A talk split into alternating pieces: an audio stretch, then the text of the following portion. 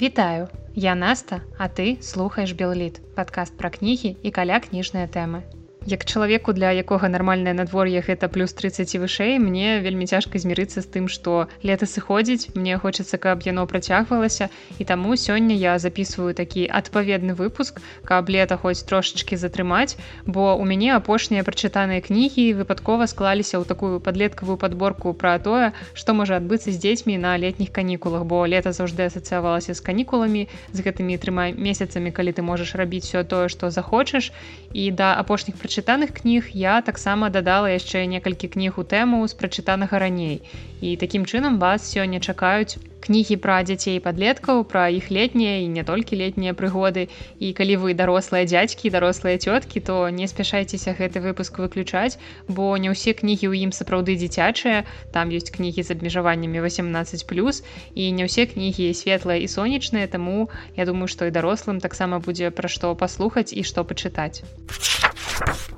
Я заўсёды з задавальненнем чытаю творы валерыя гапеева прычым творы для рознага ўзросту. Ён аднолькава класна піша і для дзяцей і для дарослых. І больш зразумела я люблю дарослыя творы але і стараюся не прапускаць дзіцячыя. І апошняя на сёння кніга гапеева якая выйшла летась у выдавецтве мастацкая літаратура гэта прыгодніцкая аповедь нічва калака і гэтая кніга акурат для падлеткаў. Праўда я скажу што можна яе чытаць і дарослым і таксама я думаю атрымаюць дарослае задавальненне ад яе. Ну а я вось сяджу і зайздрошчу галоўнаму герою гэтай кнігі 11класніку стасю бацькі якога з'язджаюць у турцыю летам а яго пакідаюць аднаго на лецішчы. І гэта просто неверагодны ўзровень даверу ад бацькоў яны не баяцца што сын ператворыць хату ў наркапрытон. Але стась сапраўды ён даволі разумны паслухмяны хлопчык ён нават грады палівае там на лецішчы.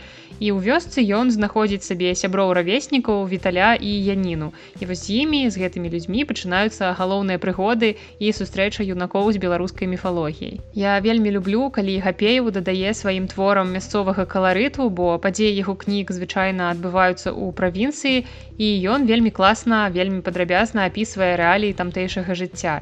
І часам гэта адбываецца з такой разыначкай з долей містыкі. Напрыклад, у дарослым містычна-эратычным рамане ноч цмока пасярод поля знаходзіць труп аголенай жанчыны. І вакол яе няма абсалютна ніякіх слядоў, незразумела, як яна туды трапіла, бо нават слядоў ног няма і ну нехта ж павінен быў гэтую дзяўчыну туды занесці не сама ж яна туды трапіла вось так я вас трошки заінтрыгавала гэтай кнігай я вам раю яе пачытаць называется ноч смока і ў гэтай падлеткавай аповесці пачынаюць адбывацца нейкія незвычайныя рэчы і мясцовыя бабулькі пачынаюць казаць што ў іх там завялася чупакабра або нават ваўкалак які палюе на курэй на кос іх знаходзіць такімі разадранымі з'едзенымі. А потым раптам знікае ў гэтай мясцовасці адна са студэнтак што прыехалі туды ў фальклорную экспедыцыю. Я памятаю што калі я вучылася на філфаку у нас была фальклорная практыка і мы на фальклорнай практыцы павінны былі паехаць напрыклад калі нехта з вёскі ці ў кагосьці ёсць сваякі ў вёсцы павінны былі паехаць туды ў вёску і збіраць там ад бабуляў ад дзядуляў розны фальклор там розныя прыказкі прымаўкі фальклор мог быць абсалютна розным. І можна было не абавязкова ехаць у вёску бо фальклор гэта не толькі тое што там спяваюць бабулю ў вёсках. Напрыклад я у той час пэўным чынам была звязаная з футбол футболам і таму я збірала фанацкія розныя песні прыпеўкі і гэта таксама лічыцца фальклорам гарадскім фальклорам футбольным фальклорам і гэта было даволі цікава а потым на іншым курсе у нас была летом дыялекталагічная практыка нам уже трэба было есть ехаць у вёску і збіраць канкрэтныя гаворкі мясцовасці записывать так як гэта вось бабуля мне напрыклад нешта рассказывала мне трэба было записывать так як яна гэта рассказывае потым выдзяляць асаблівасці бо у мяне вёска знаходзіцца у менскай вобласці у беразінскім раёне і вось там трэба было вызначаць да якіх гаворак да якіх дыялектаў адносіцца тое як моя бабуля гаворыць гэта таксама было даволі цікава калі б гэта было неяк палепш арганізавана на філфаку а не так як у нас заўжды ўсё праз одно месца. І вось такім чынам такая фальклорная экспедыцыя прыязджае вось у мясцовасць дзе знаходзіцца вёска нашага галоўнага героя стася і адна са студэнтак знікае. І падаецца што тут справа больш сур'ёзная чым мясцовы чупакабравы фальклор. Праўда многія лічаць што дзяўчына просто загуляла. Нібыта яна у такім узросце калі можна просто кудысьці знікнуць нікому пра не паведаміць пра гэта і просто ніхто не, ведае дзе яна не адгукацца на телефон ну па мне гэта даволі дзіўна. Але падлеткі спачатку вельмі скептычна ставяцца вось да таго што пачынаем расказваць бабуля пра міфалогію нейкіх гэта міфалагічныя развагі але яны з цягам часу пачынаюць прыслухоўвацца бо ўсё ж такі у адрозненне ад астатніх дарослых яны яшчэ не згубілі веру ў нешта надзвычайнае і таму вырашаюць актыўна ўзяцца за пошук адказаў на пытанні хаця яны ўсведамляюць у прынцыпе якую небяспеку гэта можа ўяўляць. Бо калі раптам гэта адбылося нейкае злачынства ёсць чалавек які хавае гэтае злачынства то зразумела што падлеткам можа нешта дрэннае ён таксама зрабіць і все ж таки гэта лета я думаю что лета без прыгодаў немагчыма і будзе што аднакласнікам расказаць у верасні і таму нашы падлеткі бяруцца за пошукі адказаў гэтай аповесці таксама ёсць і уласцівы для твораў гапеева нацыянальны складнік гэта развагі пра карані пра захаванне старажытных святыняў. Ён вельмі часта беларускі фальклор міфалогію нейкія нацыянальныя рысы уплятае ў свае творы. І падлеткі ў гэтым творы ў дэтэктыўных пошуках прыходзяць да надзейна схаванага цудадзейнага знічу пасярод балот і апынаюцца на раздарожжы. Яны думаюць ці расказаць пра яго ўсім каб людзі ведалі што існуе вось такая святыня нешта важнае ці наадварот гэтую святыню трэба захаваць не кранутай бо мы ведаем што адбываецца з месцамі якія раптам у нас становяцца турыстычнымі. І гэта вельмі сур'ёзная маральная дылема якая стаіць перад нашымі маладымі героямі. І хапеў вельмі ненавязліва без нейкага маралізатарства укладвае ў вусны персонажу вельмі простую думку пра тое што і ў сваім можна знайсці нешта цікавае. Вось ты зайздросціш грэкам італьянцам што ў іх такая цікавая спадчына такія легенды. А ты полюбі сваё бо ж ёсць што любіць. І калі полюбіш сваё пачнеш просто паважаць чужое. Не зайздросціць іншым а паважаць. Калі любіць сваё тады так проста прыняць любоў іншага чалавека да ягонага свайго і пачаць паважаць гэтага чалавека. А ён будзе паважаць цябе хто умее любіць той умее паважаць У кнізе ёсць знаёмыя сучасным падлеткам рэалій там героі актыўна карыстаюцца інтэрнэтам яны перапісваюцца з бацькамі ў месенджерах і зразумела што ў такім творы не можа не закранацца класічнае пытанне адносін бацькоў і дзяцей калі старэйшыя яны апрыёры упэўненыя што ўсе сучасныя падлеткі аднолькавыя што ім важна толькі ўлезці ў свае гэтыя маніторы экраны тэлефонаў і што яны больш увогуле свету не бачаць. Вядома ж і ў наш час і ва ўсе часы былі такія дзеці якія абсалютна нічым не цікавіліся. Але дзякую валерыю хапееву што ён нам паказвае іншы бок і вось такія кнігі варта чытаць дарослым якія не вераць у разумовыя здольнасці сучаснай моладзі і адзін з герояў вельмі трапна заўважае мой бацька ў мае гады грошы зарабляў усе справы па гаспадарцы рабіў а сам баіцца як я за сякеру бяруся.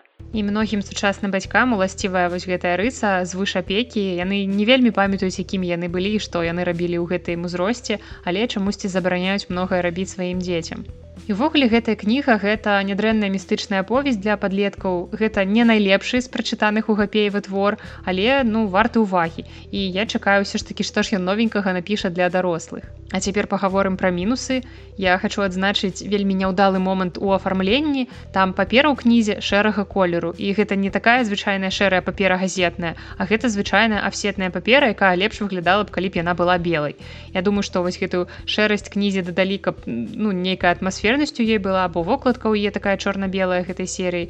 І атрымалася што я кнігу гэтую чытала даволі доўга таму што ў мяне пастаянна стамляліся вочы.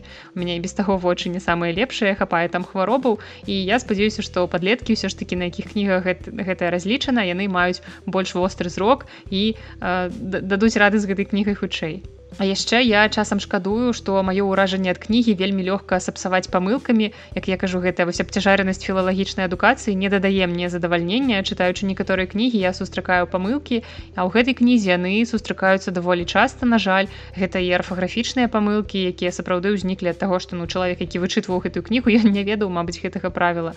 Ну і часам проста памылкі друку, калі там выпадкова некая літара аказалася ў слове гэта вельмі сумна тым больш гэта дзяржаўнае выдавецтва мастацкая літаратура Таму э, калі вы будете чытаць гэтую кнігу я вам буду зайздросціць калі вы не будете заўважаць гэтыя памылкі не будете звяртаць на іх увагу. Але ну я спадзяюся гэта вам не сапсуе ўражання ад кнігі. І пастскрыптумам я працытую адзін дыялог з кнігі які ў мяне выклікаў такую скептычную усмешку. Ага пра тое што вада валодаю памяццю нешта такое чытаў Вада помніць, рэагуе, яна жывая і ўсё жывое, у чым вада, так выкладчык кажа. Я думаю, што трэба гнаць з універсітэтаў гэтых выкладчыкаў, якія так сур'ёзна расказваюць пра прызнаную лжэнавуковай тэорыю памяці вады. У апошні час у моду ўвайшлі такія тэмы, якія ў творах сустракаюцца разам, гэта містыка і дзеці і вось Стывен Кінг напісаў сваё яно яшчэ ў 1986 годзе а Дэн Сіманс пра якога далей пойдзе гаворка напісаў сваю кнігу ў 1991 але зараз все роўна гэтыя тэмы перажываюць небывалы росквіт я думаю што мы можемм сказаць за гэта дзякую яшчэ і братам даферам рэжысёрам і сцэнарыстам серыяла Stranger things і на гэтай хвалі таксама вырашылі перазняць яно хаця мне больш падабаецца старая версія. А потым з'явіўся яшчэ і нямецкі серыял дарк які таксама скарыў сэрца якіх гледачоў і я яшчэ апошні сезон серыялу не паглядзела бо гэта трэба падрыхтавацца у мяне там ад кожнай серыі ў галаве просто нейкі выбух адбываўся калі я спрабавала звязаць хто там каму сваяка хто гэта ў мінулым а хто гэта ў будучыні хто гэта ў цяперашнім часе. Карацей калі вам падабаецца вось такая атмасфера калі вы разумееце пра што я гавару то звярніце увагу на наступную кнігу гэта роман дэна симонса лета ночи Не так уж много событий в жизни человеческого существа, по крайней мере человеческого существа мужского пола, бывают столь роскошными, бесценными, наполненными предвкушением вожделенной свободы и счастливого будущего, как первый день лета для 11-летнего мальчишки. Грядущее лето можно уподобить роскошному пиру, а времени впереди так много, и тянуться оно будет так медленно, что каждый день покажется нескончаемо долгим и позволит смаковать каждое блюдо этого пира. Падзеі гэтага вельмі аб'ёмнага і не вельмі дзіцячага рамана разгортваюцца ў Амерыканскім мястэчку Элмхейвен. Заканчваецца навучальны год, дзеці ўжо хутчэй хочуць выбрацца з будынку старой школы на летнія канікулы. І раптам у сценах іх школы загадка знікае хлопец. І цяпер нашых герояў кампанію школьнікаў чакае ну не вельмі простае лета і зразумела, што яны бяруцца за пошукі зніклага, але пасля гэтага з кожным з іх пачынае адбывацца нейкая містыка і калі я далей пачну расказваць пра сюжэт то ўжо пачнуцца спойлеры таму просто скажу што сюжэт у гэтай кнігі лінейны ён пабудаваны на паступовым нагнятанні калі мы чакаем што нешта павінна адбыцца што ўсё такое нагнятаецца пагроза нейкая нябачная яна адчуваецца. І гэтым твор вельмі нагадвае іншы роман симонса тэрор гэта роман заснаваны на рэальным гістарычным факце пра знікнення караблёў эребус і тэрор і ў тым рамане таксама ёсць страшнае нешта якое пужае і героя герояў і чытачоў бо яно не мае пэўнай формы да якой можна дакрануцца і гэта ўсё ў стылі жахаў лаўкрафта і мы чакаем калі ж вось гэтая стрэльба ўсё ж таки стрэліць. І як я уже сказала роман вельмі аб'ёмны і гэта адна з маіх галоўных прэтэнзій да рамана гэта празмерная зацягнутасць. І тут фанаты кінга я думаю са спачуваннем могуць уздыхнуць калены перагортваюць 1200 старонку романа яно але чытаць кнігу ўсё ж таки варта хаця б дзеля гэтай атмасферы няхай яна і так доўга цягнецца. І такім чынам лета ночі гэта вельмі не дзіцячая кніга пра дзяцей у правінцыйным гарадку ў 60 чытаць варта толькі дзеля таго каб успомніць тое адчуванне калі нарэшце наступілі вакацыі на тры месяцы можна забыць гэтую школу бегаць па наваколлях разбіваючы каленкі і у цябе абавязкова мусіць быць ровар з багажнікам ззаду або з кошыкам наперадзе каб ровар гэты можна было кінуць на лужку перад тым загадкавым домам у якім як кажуць жыве не проста бабулька а сапраўдная ведьма. Я вось рассказываю пра кнігу і успомніла мой асноўны боль наконт гэтай кнігі. Я ненавіджу калі забіваюць героя які ў кнізе полюбіўся табе больш за ўсіх. Часта вельмі пісьменнікі робяць мне так балюча ось дэн симон зрабіў балюча і калісьці джордж мартин зрабіў балюча ў першай кнізе гульні тронаў просто просто мой боль. І працягваючы тэму жыцця хлопцаў у 60-е гады ў Амерыцы у жніўні я прачытала кнігу якая стала максімальна ўпэўненым прэтэндэнтам на найлепшую кнігу года сярод прачытаных мною сёлета У 1991 годзе яна выйшла і атрымала адразу ж прэмію брэма стокера, а ў 92 годзе атрымала сусветную прэмію фэнтэзі. Але самае галоўнае, што ў 2021 годзе яна атрымала прэмію майго сэрцайка і гэта ўсё я вяду да рамана Роберта Маккамана жизнь мальчышкі. Назва тут не хлусіць, гэта сапраўды жыццё хлапчука, гэта год жыцця 12гадовага коры Маккенсона, які жыве ў выдуманым мястэчку зефір штата Лабама. Падзеі адбываюцца ў 1964 годзе, пачынаецца вясна і кніга пачынаецца з дэтэктыўнай завязкі. Коры і яго бацька становяцца сведкамі злачынства. Яны раніцай едуць на машыне і бачаць, як іншая машына з кіроўцам на поўным хаду зрываецца з абрыву ў возера. І баця коры адразу так самааддана вельмі кідаецца ў ваду, каб дастаць кіроўцу, але аказваецца, што той ужо мёртвы быў там у машыне і ён памёр не ад таго, што зваліўся ў ваду. Ён быў забіты, прычым вельмі экзатычна, ён быў задушаны струной. Гэта значыць, што хтосьці скінуў ваду машыну з ужо мёртвым чалавекам бацька не змог выцягнуць кіроўцу і машына разам з трупам аказваецца назаўжды пахаваная на дне вельмі вельмі глыбокага возера. Такім чынам у іх няма ні фота мужчыны ні адбіткаў пальцаў у акрузе ніхто не знікаў і вось па фотаробаце таксама нікога не знаходзіць. І ў прынцыпе ну немагчыма высветліць што гэта за чалавек што з ім здарылася і зразумела што калі няма цела то няма справы і мясцовая паліцыя тут нічога не можа зрабіць. Але далей у мястэчку пачынаюць адбывацца вельмі вельмі страшныя рэчы і калі б мне было 12 гадоў я б там жыла то я б дакладна чокнулася калі б з гэтым усім сутыкнулася. І раман напоўнены містыкай хаця я б не сказала што гэта ў такім прамым сэнсе містыка. Гэта можа быць яшчэ і магічны рэалізм. і не хвалюйцеся вы ўсё ж таки атрымаеце нармальны адказ на дэтэктыўную загадку а не так як у кінга ў рамане чужак бо гэта было просто ну жудаснае рашэнне кінга тлумачыць злачынства містыкай нават калі ўлічваць што ён не пісаў класічны дэтэктыў усё роўна вось гэты ход сапсаваў мне ўсё ўражанне пра кнігу Але на шчасце Маккаман у гэтай кнізе гуляе па правілах дэтэктыўнага жанру, хаця раман і не будзе цалкам будавацца вакол расследавання, але ўсе адказы вы нармальна атрымаеце без аніякай містыкі. І хоць кніга пачынаецца з такой вось інтрыгуючай гісторыі забойства, на ёй завісаць усё роўна не варта, бо Маккаман знойдзе чым нас здзівіць і таямніца забойства становіцца не вельмі важнай. А на пярэдні план выходзіць гісторыя сталення хлопчыка з усімі спадарожнымі праблемамі.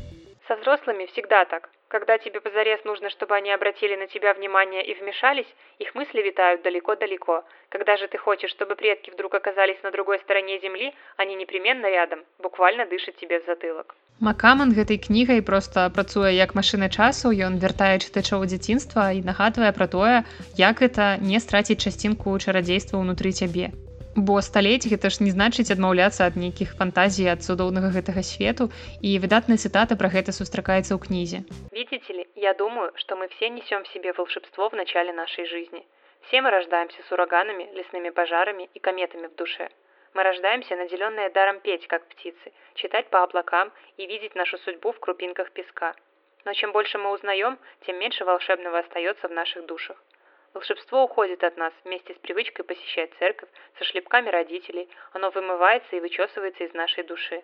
Мы вынуждены выбирать прямые и узкие дорожки. Нам постоянно твердят, что мы должны воспитывать в себе чувство ответственности. Нам следует поступать так, как приличествует нашему возрасту. Нам велят сначала вырасти, повзрослеть. Боже мой, а знаете почему? Потому что люди, которые так говорят, боятся нашей юности и нашей необузданности, потому что волшебство, которым мы обладаем в детстве, заставляет их стыдиться и горевать о том, что они позволили погубить самих себе. У гэтым рамане вас чакае мноства цёплых настальгічных гісторый з дзяцінства аднаго хлопчыка.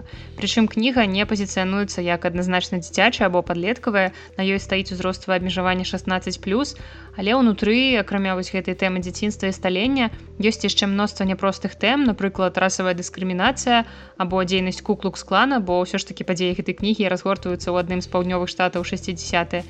І нечакана таксама на старонках гэтай кнігі з'яўляецца нацызм. Але я думаю, што сучасныя падлеткі ў стане гэтая тэма асэнсаваць і ў любым выпадку спачатку бацькі могуць прачытаць гэтую кнігу, а потым думаць ужо ці варта даваць яе сваім дзецям. Але я думаю, што дзецям таксама было б нядрэнна яе прачытаць. Я не знал, что такое настоящая ненависть, пока не прочитал, что на свете есть люди, которые запросто могут принести в церковь бомбу и взорвать ее в воскресное утро, убив маленьких девочек. У канцы гэтай кнігі ўжо дарослы коры вяртаецца ў зефір, які стаў амаль горадам зданню, там ужо няма паловы таго, што раней было і ён плануе можа быть закрыць нейкі гештальт успомніць усё і ў апошні раз паглядзець на родны горад у якім з ім столькі ўсяго адбылося.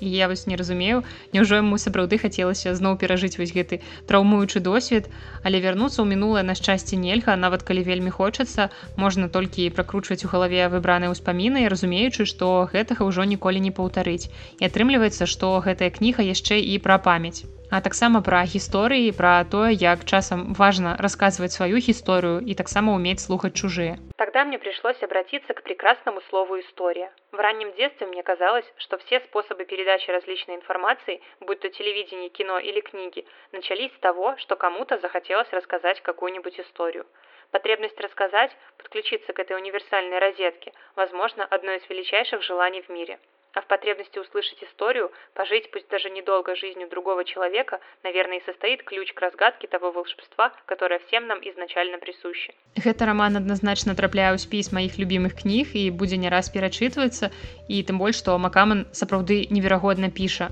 гэты твор напісаны вельмі прыгожай мовай і многія эпізоды хочацца зачытваць у голас што я ў прынцыпе тут вам і рабіла і дзяліцца навокал з усімі людзьмі. І знаёмства з аўтарам я думаю што можна лічыць паспяховым так што я пайду купляць усе астатнія яго кнігі і чытаць далей.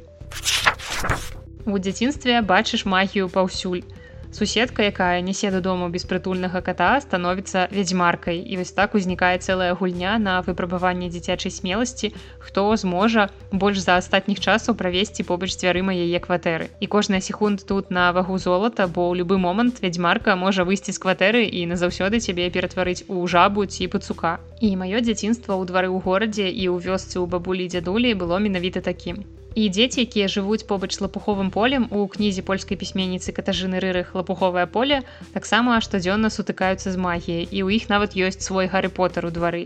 Толькі ці выдумляюць яны магію вакол сябе ці гэтая магія існуе сапраўды? Вось такое пытанне.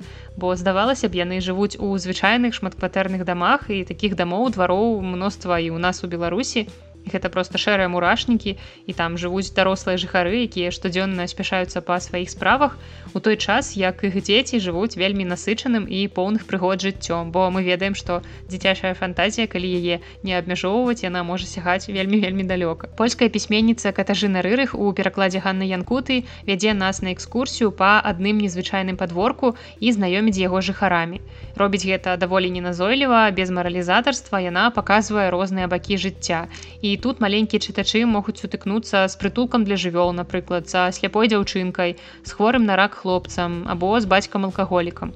І яны бачаць не толькі радасныя нейкія бесклапотныя бакі жыцця як это звычайна бывае ў дзіцячых кнігах але і тое што жыццё кожнага чалавека ў прынцыпе можа быць даволі розным. І гэтая кніга пра моц сяброўства ў розных формах і пра моц дзіцячай фантазіі якая здольная перамагчы ўсё. І ў гэтай кнізе просто неверагодна клёвая ілюстрацыі. У выдавецтве нушкевич дзе летась выйшла гэтая кніга гэта ўжо другі пераклад польскай кнігі з ілюстрацыямі хражыны рыхаль таксама яе малюнкі вы можете ўбачыць у кнізе пераменлівыя настроі і паліта шланга якую я таксама вельмі люблю і раю нават дарослым і катажына і гражына разам прыязджалі ў менск на кніжную выставу кірмаш некалькі гадоў таму і гражына нават праводзіла невялікі майстар-клас па маляванні падсумую тым што і дарослым часам вельмі карысна адчуць сябе дзецьмі і пачытаць адпаведныя кнігі. Таму чытайце лапуховае поле і прыгадвайце свае дзіцячыя прыгоды на падворку з сябрамі. А скончыць сённяшні выпуск хачу каля літаратурнай гісторыі, хаця ў прынцыпе яна даволі непасрэдна звязана з кнігамі. Але спачатку вось уявіце сабе такую сітуацыю, калі раніцай ты бяжыш на пары, ты спазняешся і раптам у канцы універсітэцкага калідора ты бачыш цуд, гэта вендынгавы аўтамат, ты хутка ўліваеш у сябе шкляначку гідкага пойла. Я в прынцыпе каву не п'ю, але наўрад ці там у гэтых аўтаматах наліваюць нешта якаснае, бо я спрабавала адтуль гарбату і гэта сапраўды нешта вельмі гідкае. Але ж ты выпіў кавы з гэтага аўтамату і ўсё, ты гатовы рухаць горы і бегчы на пары або таксама можна ўявіць іншую сітуацыю калі ты хочаш перакусіць а па дарозе зноў трапляецца вендынгавы аўтамат. І на гэты раз у ім ёсць сэндвічы ў індывідуальнай упакоўцы або нейкія шакаладныя батончыкі і розныя віды напояў. Хаця ў такіх аўтаматах можна знайсці яшчэ і нешта больш цікавае экзатычнае. Напрыклад на выхадзе са станцыі метро няміха ў менску можна ў такім аўтамаце купіць кантактныя лінзы. А вось цяпер уявіце што гэты вендынгавы аўтамат прадае кнігі і замест таго каб выдаваць нейкую нездаровую ежу ці каву з пылу беларускіх дарог ён дзеліцца з вами ведамі і здаецца што гэта сцэна з нейкага навукова-фантастычнага рамана але такія аўтаматы сапраўды існуюць у рэальнасці і вось сёння я вам раскажу про гэта падрабязней. Я здзівілася калі даведалася што першы вендынгавы аўтамат з кнігамі з'явіўся яшчэ ў 1822 годзе. Англійскі кніга гандляр рычард карлайл хацеў прадаваць розную забароненую літаратуру якую нельга было выставіць на паліцы ў яго краме бо за такое яму пагражаў бы турэмны тэрмін.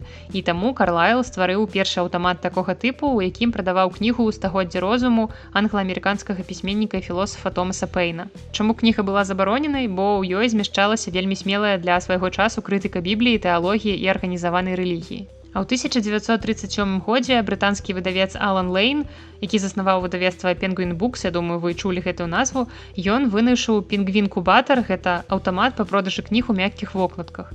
І ўвогуле, дарэчы, менавіта дзякуючы Лейну мы цяпер наогул можам чытаць такія кнігі. Бо да з'яўлення гэтага выдавецтва пінгвин букс кнігі ў мяккіх вокладках асацыяваліся выключна з бульварным чытвом. Гэта лічылася што некае смецце не літаратура і ўсім здавалася што так могуць быць выдадзеныя толькі танныя кнігі не вельмі якаснага зместу. Але ален лейн вывеў мяккія вокладкі на новы ўзровень. Ён так дзёрзка надрукаваў такім фармаце класічныя раманы і каштавалі яны як пачак цыгарет Ну а ідэя гэтага аўтамата пінгвін кубатара прыйшла да лейна на платформе чыгуначнай станцыі калі ён вяртаўся пасля выхадных праведзеных у агаты крысці. Лэйн спрабаваў знайсці месца продажу кніг, каб купіць адну і проста правесці з ёй час на шляху ў Лондон. І на жаль, на платформе знайшліся толькі часопісы і віктарыянскія раманы і лейн быў шоку і гэта яго наштурхнула на думку што сучасная мастацкая літаратура добрай якасці павінна быць даступнай і прадавацца не толькі ў гэтых традыцыйных кнігарнях але і на чыгуначных станцыях у тутынёвых крамах у сеткавых крамах карацей паўсюль дзе заўгодна. І так вось у 1937 годзе ў лондоне быў усталяваны першы пінгвін-кубатар І дарэчы, чым яшчэ праславіўся Лейн, менавіта ён быў першым ангельскім выдаўцом рамана Уліс Джеймса Джойса у той час, як іншыя выдаўцы не хацелі друкаваць гэтую кнігу, яны баяліся, што іх будуць пераследаваць за непрыстойнасць. Так што запомніце гэтае імя Алан Лейн, гэта чалавек, які даволі шмат зрабіў у гісторыі літаратуры. Наступнай важнай кропкай у развіцці кніжных аўтаматаў стаў букомет, створаны ў 1947 годзе. У ім было больш за 50 кніг па 25 цэнтаў кожная. І вось з 50-х гадоў мінулага стагоддзя акурат пачаўся росквіт эпохі гандлёвых аўтаматаў з абсалютна розным змесцівым. І ў наш час гэтая рэч, якая актыўна развіваецца ў розных краінах вы можете сустрэць не толькі кніжныя ўвогуле розныя вендынгавыя машыны са сваімі асаблівасцямі. Але калі гаварыць менавіта пра кніжныя то вось у адной з букіністычных кнігарняў таронта стаіць бібліомет у якім можна купіць выпадковую кнігу за 1-2 даляры. Ён сканструяваны ў рэтра-стылі і выдае пакупніку кнігу сюрпрыз Такім чынам вы не ведаеце што вы купляеце і гэта даволі цікава вось ірландская кампанія якая установіла кніжны аўтамат у лонданскім аэрапорце хітраў у 2010 годзе збанкрутавала. Але падобныя прылады ў вялікай колькасці былі заўважаныя ў розных іспанскіх гарадах. Таксама у 2011 годзе у стакгольмскім аэрапорце быў заўважаны аўтамат ридамэтик і я знайшла інфармацыю што вялікую колькасць такіх аўтаматаў можна сустрэць у германії у беларусі на жаль падобнага няма але я думаю што гэта быў бы такі цікавы вопыт у сувязі з якім узнікае мноства пытанняў напрыклад якімі кнігамі яго напаўняць. Бо я неаднаразова назірала за тым якія кнігі купляюць людзі на падземным узроўні чыгуначнага вакзалу ў менску дзе такі ёсць невялікі кніжны кіёск і гэта пераважна такія расійскія дэтэктыўчыкі ў мяккіх вокладках данцова і кампанія. Я думаю што вось гэта рэчы якія сапраўды карысталіся попытам у падобных апаратах і яшчэ б калі б гэта каштавала нядорага. Але ўсё ж я думаю прыемна зайсці ў кнігарню і там завіснуць на некалькі гадзін а не купляць кнігу ў бяздушнай машыны І на сёння гэта ўсе кнігі ўсе гісторыі і спасылкі на ўсе кнігі сённяшняга выпуску вы традыцыйна знойдзеце ў апісанні. А на гэтым я развітваюся. З вами была наста і падкаст белліт да сустрэчы